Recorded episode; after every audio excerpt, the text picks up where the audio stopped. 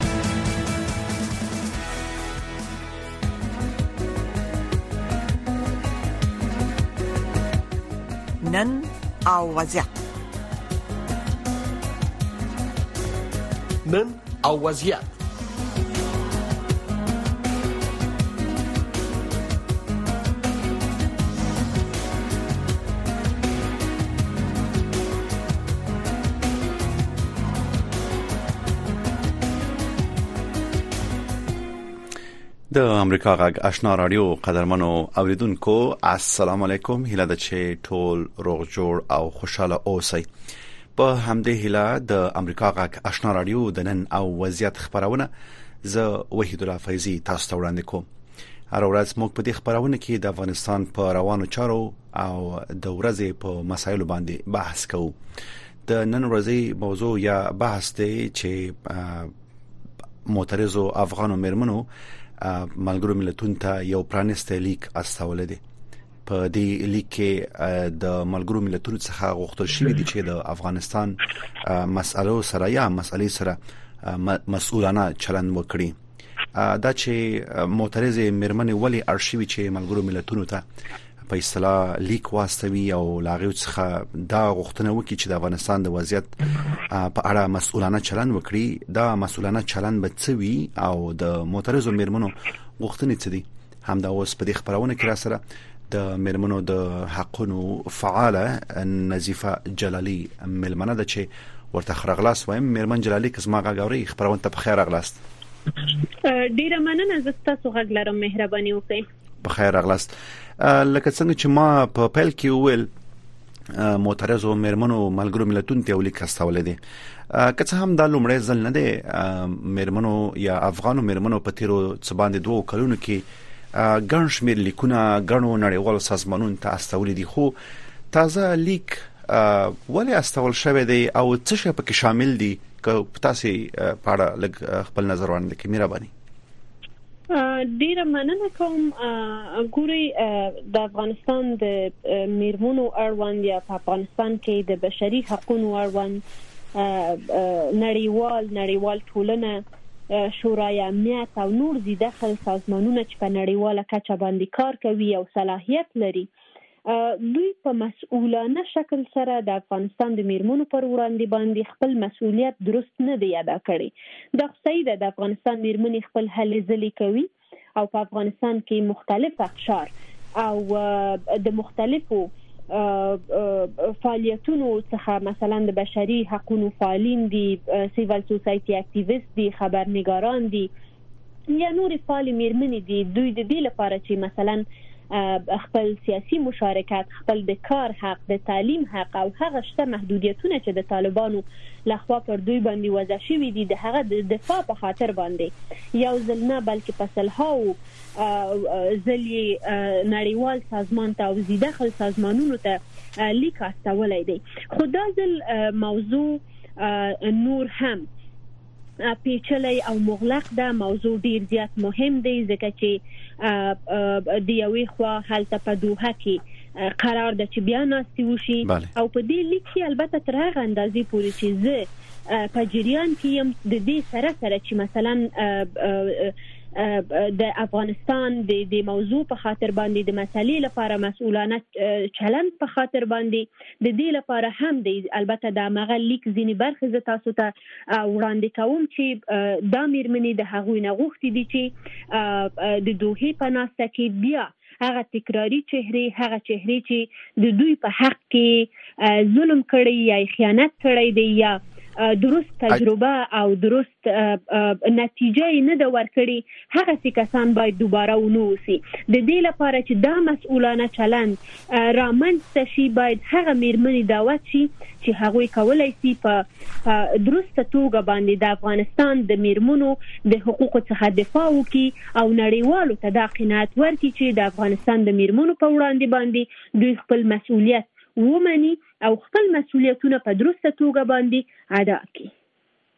صحیح تاسو ګڼو مسایل ته اشاره وکړه زه به د خبرونه په جریان کې په دې مسله باندې تاسو نه پوښتنه وکم خو تاسو په سر کې ویل چې نړیوال ټولنې مسولیت په سمه توګه نه دی ادا کړی کله چې څلو خانه کوي د نړیوال ټولنې مسولیت شه دی د افغانستان په وړاندې په ځانګړي توګه د افغان مرمنو په وړاندې ګوري محترم ورور لکه څنګه چې تاسو په جریان کې یاستئ نړیوال ټولنه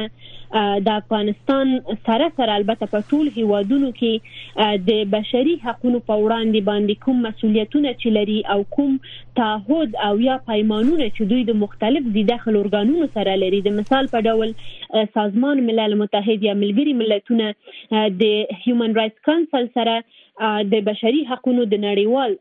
کنوانسیون سره دوی مثلا پیمان لري که چیرته دوی کولای سوای دا مسولیت د دوی و چې یو اکاونټیبیلیټي میکانیزم یا د ځواب ورکونې میکانیزم دوی رامنځته کی او طالبان ځواب ورکونې ته مجبور کی اړ یې کی دا اوس چې کوم چلند د میرمنو سره کیږي دا کوم ظلم او خیانتونه چې د میرمنو سره کیږي دا چې د پاکستان په لمسونې باندې د افغانستان میرمنې او فرهنګ بدنامه کیږي په دې خاطر باندې طالبان مجبور ول چې باید ځواب یې ورکړي وای او اکثریت میرمنې د دې کار لپاره د ملګرو ملتونو سره خبرې وکړلې تاسو پوهېږئ د دوه زره دوه ویشت د مې میاشتې را په دې خوا د ملګري ملتونو سره د هیومن رایټس کانسل سره هغه میرمنې چې د باندې دي د هغه میرمنو سره چې په دننه کې دي د دوی په هماهنګي باندې د ځواب ورکونې د د میکانیزم د را ایجاد کولو او دغه د حمایت کولو او تطبیق کولو په خاطر باندې حق غوښتنه وکړله لیکن سازمان ملل متحد تر اوسه پورې مثبت جواب نه دی ورکړی نو د دې څخه معلومیږي چې ملګري ملتونه یا دا ده چې خپل صلاح مسولیت یې پریښی دی نی پیژني او هیر کړی دی داسې کسان به په دې برخه کې کار کوي چې هغه دا مسولیتونه په دقیق شکل سره نه د مطالعه کړي او هغه حقوقي بود څخه دوی خبر نه دي یا دا چې په قصدي شکل سره لکه څنګه چې طالبانو ته حکومت وسپارل شول او په افغانستان کې د سیاسي ګټې په خاطر باندې نور مسایل ابیوز کیږي سو استفاده ورنه کیږي دوی هم خپل مسولیتونه یې هیر کړی دي او شاید په قصدي شکل سره خپل مسولیتونو ته توجه نه کوي او د تطبیق لپاره یې کوشش نه کوي کوم څه چې تاسو وایي فکر کوئ نړیوال ټولنه یا ملګری ملتونه د دې په اصطلاح صلاحیت یا د فشار عالی په توګه چې کدی ورن استفاده وکړي یا د دومره دی وس لري چې وکول شي طالبانو باندې فشار راوړي چې په خپل چلن کې په اصطلاح بدلون راولي هغه څه چې تاسو هم ورڅخه شکایت کوئ دقیقا تاسو وګورئ په ملګرو ملتونو کې د قدرتمن هیوادونو نمایندګان شته دي د ملګري ملتونو سره مثلا زیدخل ارګانونه د شورای امنیت د بشري حقوقو نړیوال کنوانسیون د د د مهاجرینو سازمان او د بشري حقوقو د ټولو مواردو نړیوال محکمه هغه د دخل ارګانونه چې باید په دې مواردو باندې کار وکړي دوی ټول د هغو سره په مختلفو کمیټو باندې کار کوي نو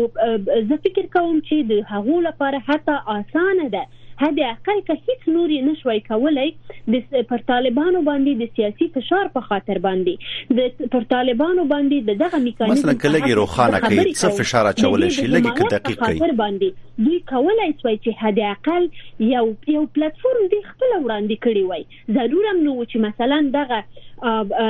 د ځواب ورکونې میکانیزم چې زه یادوم دا د افغانانو لخوا جوړ شوی وای هدي اقل دوی دا پلاتفورم باید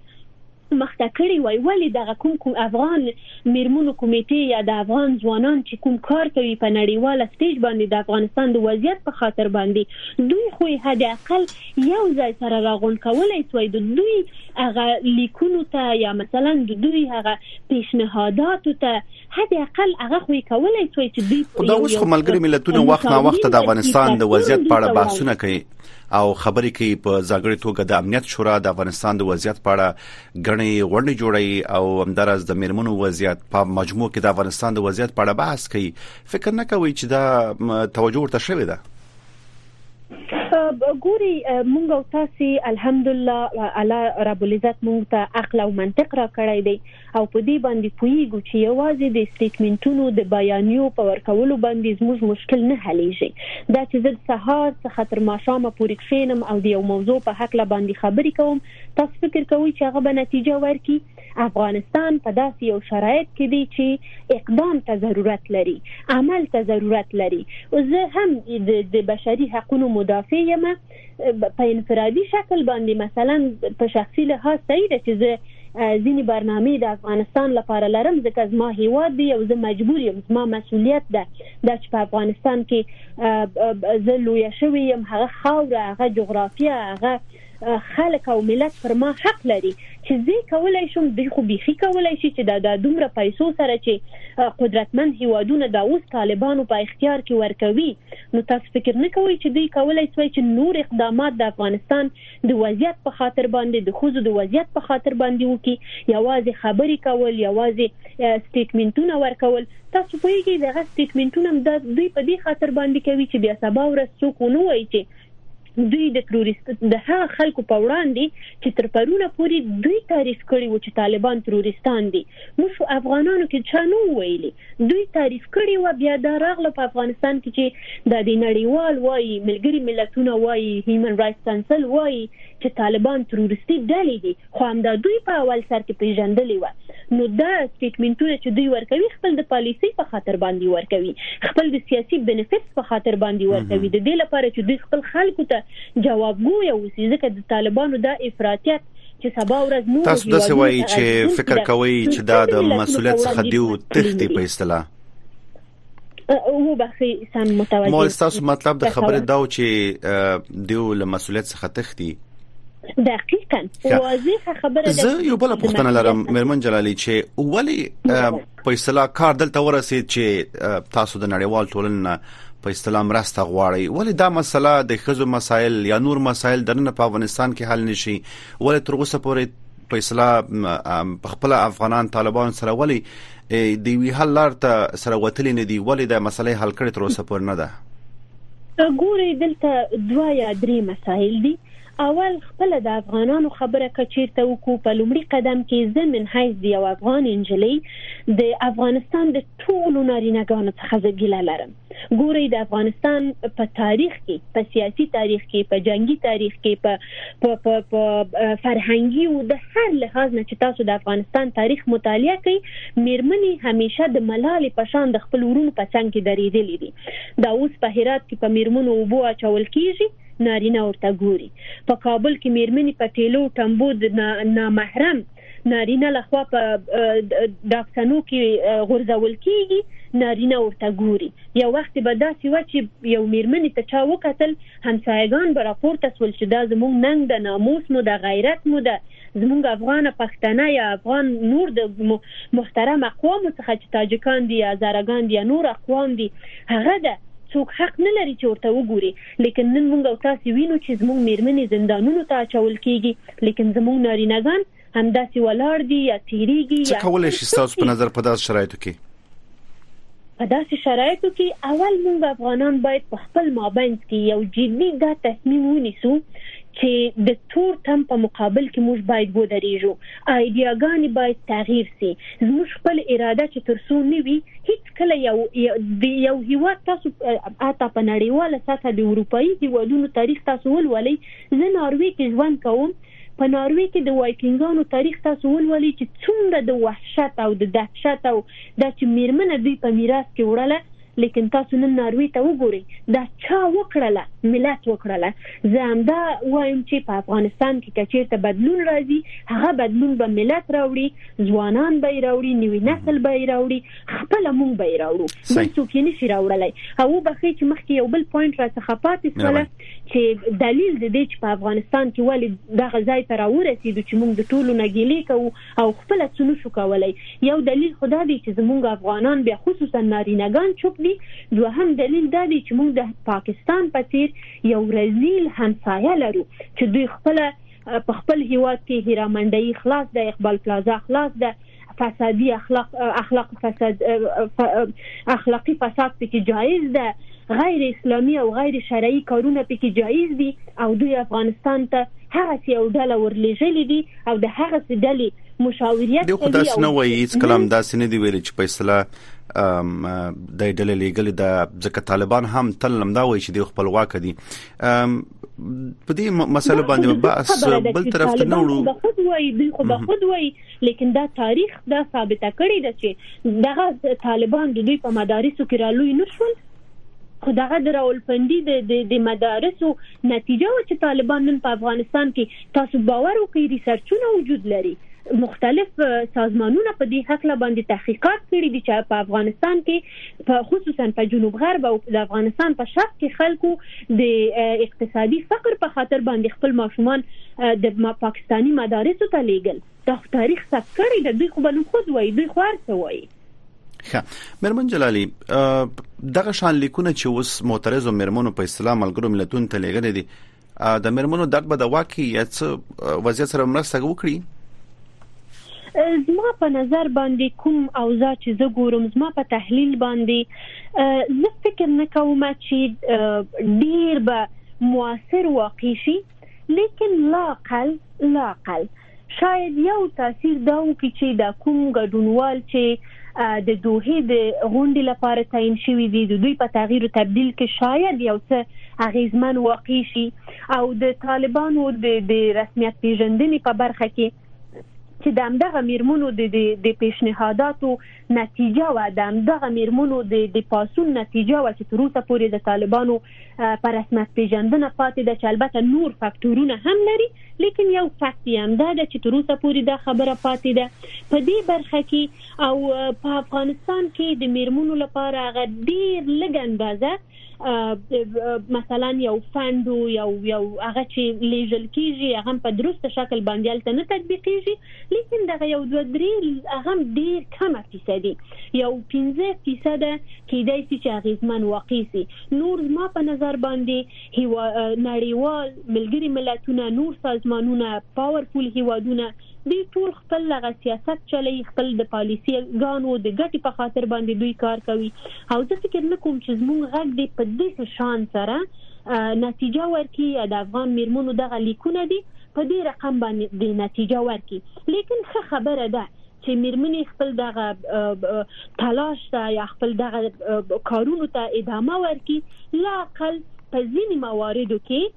د افغانستان لپاره د افغانستان د ملت او د راتلونکي په خاطر باندې ښه ګامونه دي نړیوال بم دې ته متوجي چې دا خلک لاس په سر کېږي نه او که چېرته موږ ډېر غلط مخ ته ځو بیا به سبا ورځ دا خبره زموږ ملت ته را رسېږي او ملتونه دا اوس د خپل دولتونو پر ضد پاڅون کړی تاسو پوهېږئ د ناروې د پارلمان په مخه کې نارویژیان د پارلمان د وکیلانو څخه پوښتنه کول چې د افغانستان انجونې مکاتبو ته نه ځي د ناروې دولت ولې فنډ ورکوي افغانستان ته په امریکې کې دا کار وسوله په لندن کې دا کار وسوله راتلونکې هفته له خیر سره قرار ده چې په جرمني کې دا کار وسی البته د جرمني دولت ډیر کوشش کوي چې د دې مخه ونیسي خو په ډیر احتمال سره چې دا کار به وسی دغه سي مسایلو لپاره البته خده یو یو خګام ده چې موږ ورته هیله لرو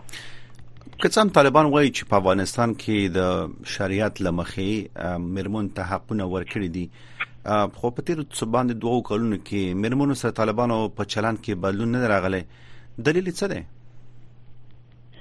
دلیل دا دی چې طالبان دروغ وایي په افغانستان کې موږ الحمدلله مسلمانان یو او د اسلام له نظره موږ په دې باندې پوهیږو چې یو اسلامي حق د میرمنو لپاره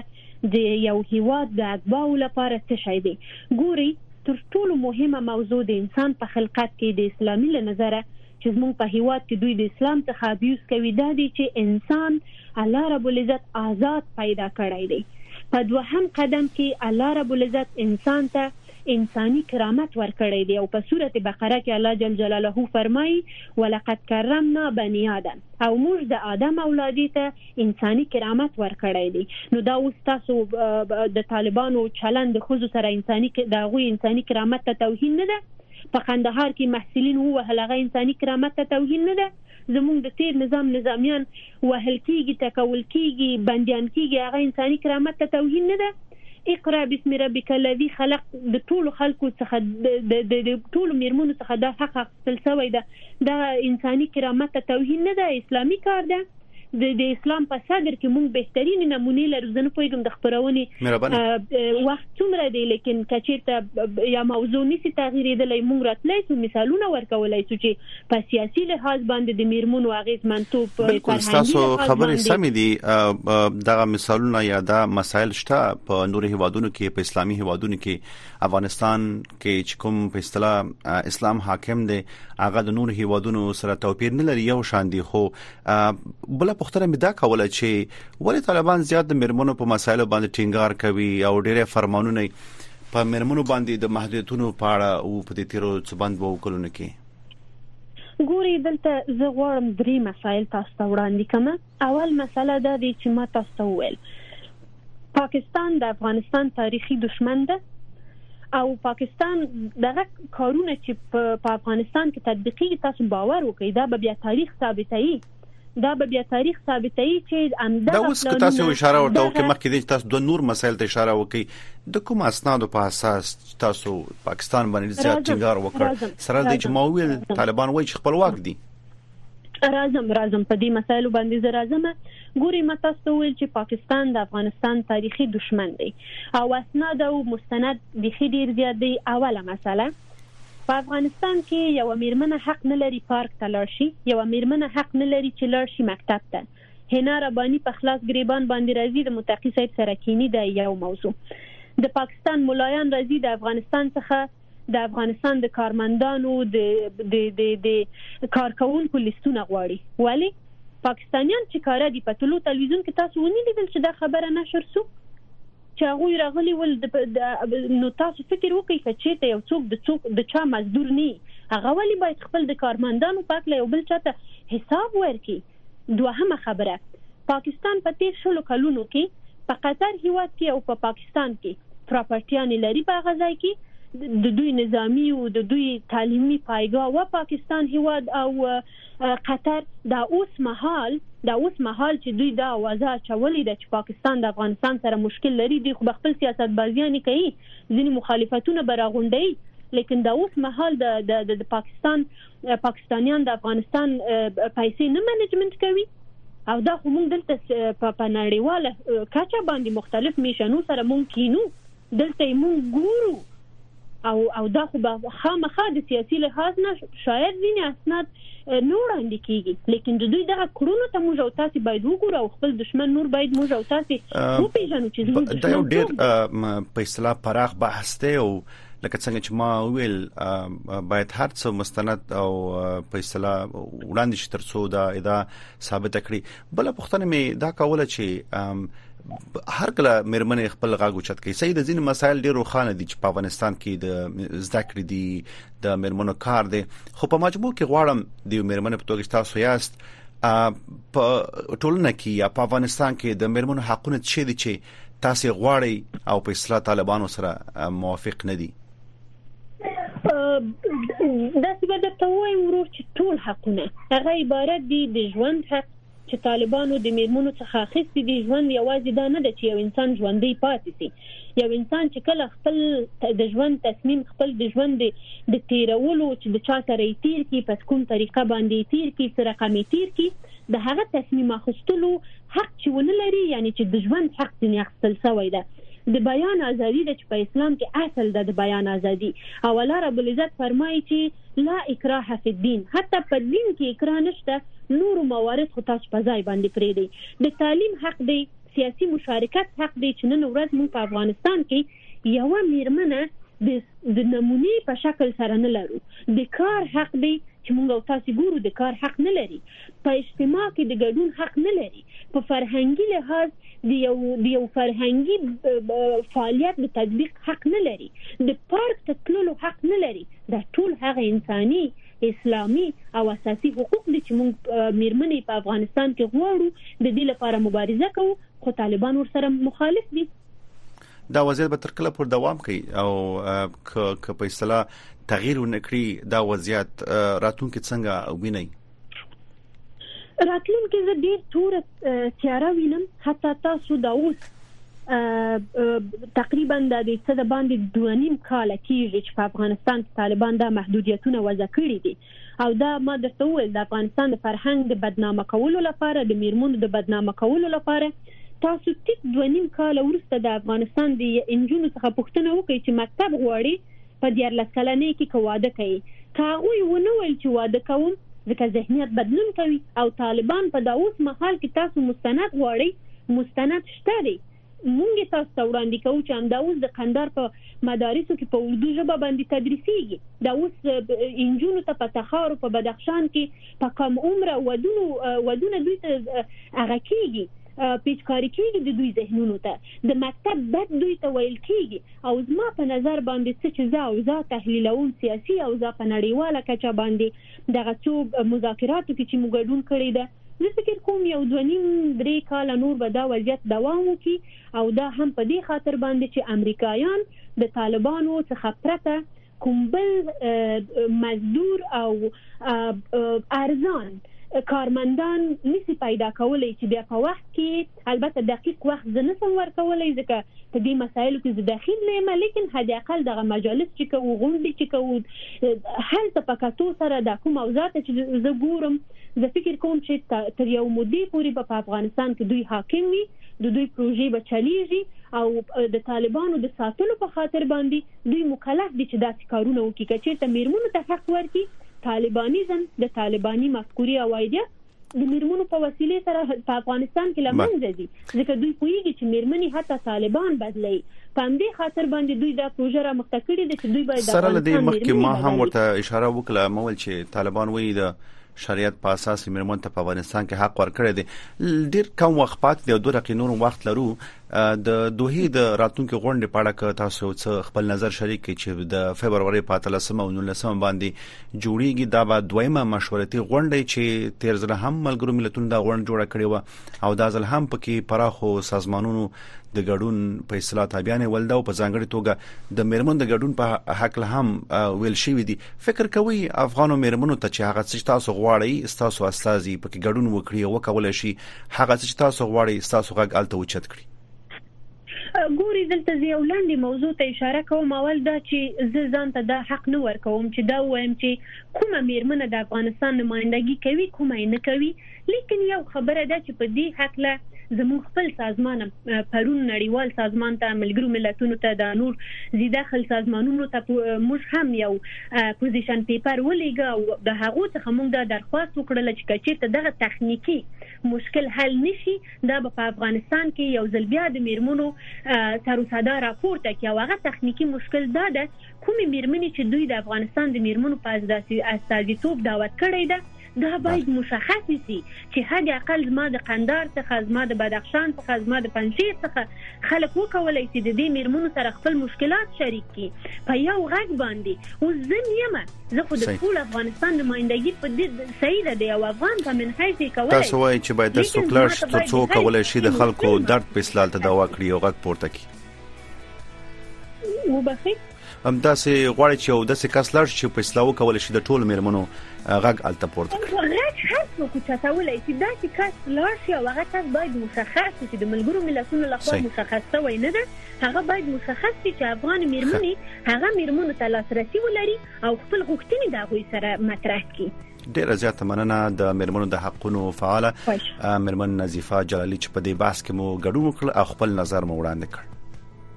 سلامات اوسئ مننه ښه وخت قدرمنو اوریدونکو زموږ د خبرونه په څو شیبو کې پای ته رسیدي تاسو له منتیا ډیره زیاته مننه د امریکا غک نور خبرونه لا دوام لري راتلونکي خبرونه مو تاسو غک خبرونه چې زموږ دوه قدرمن همکاران به سټوډیو ته زر راشي د تاسو په خدمت کې به ووسی زه وحید فیضی تاسو نه اجازه غواړم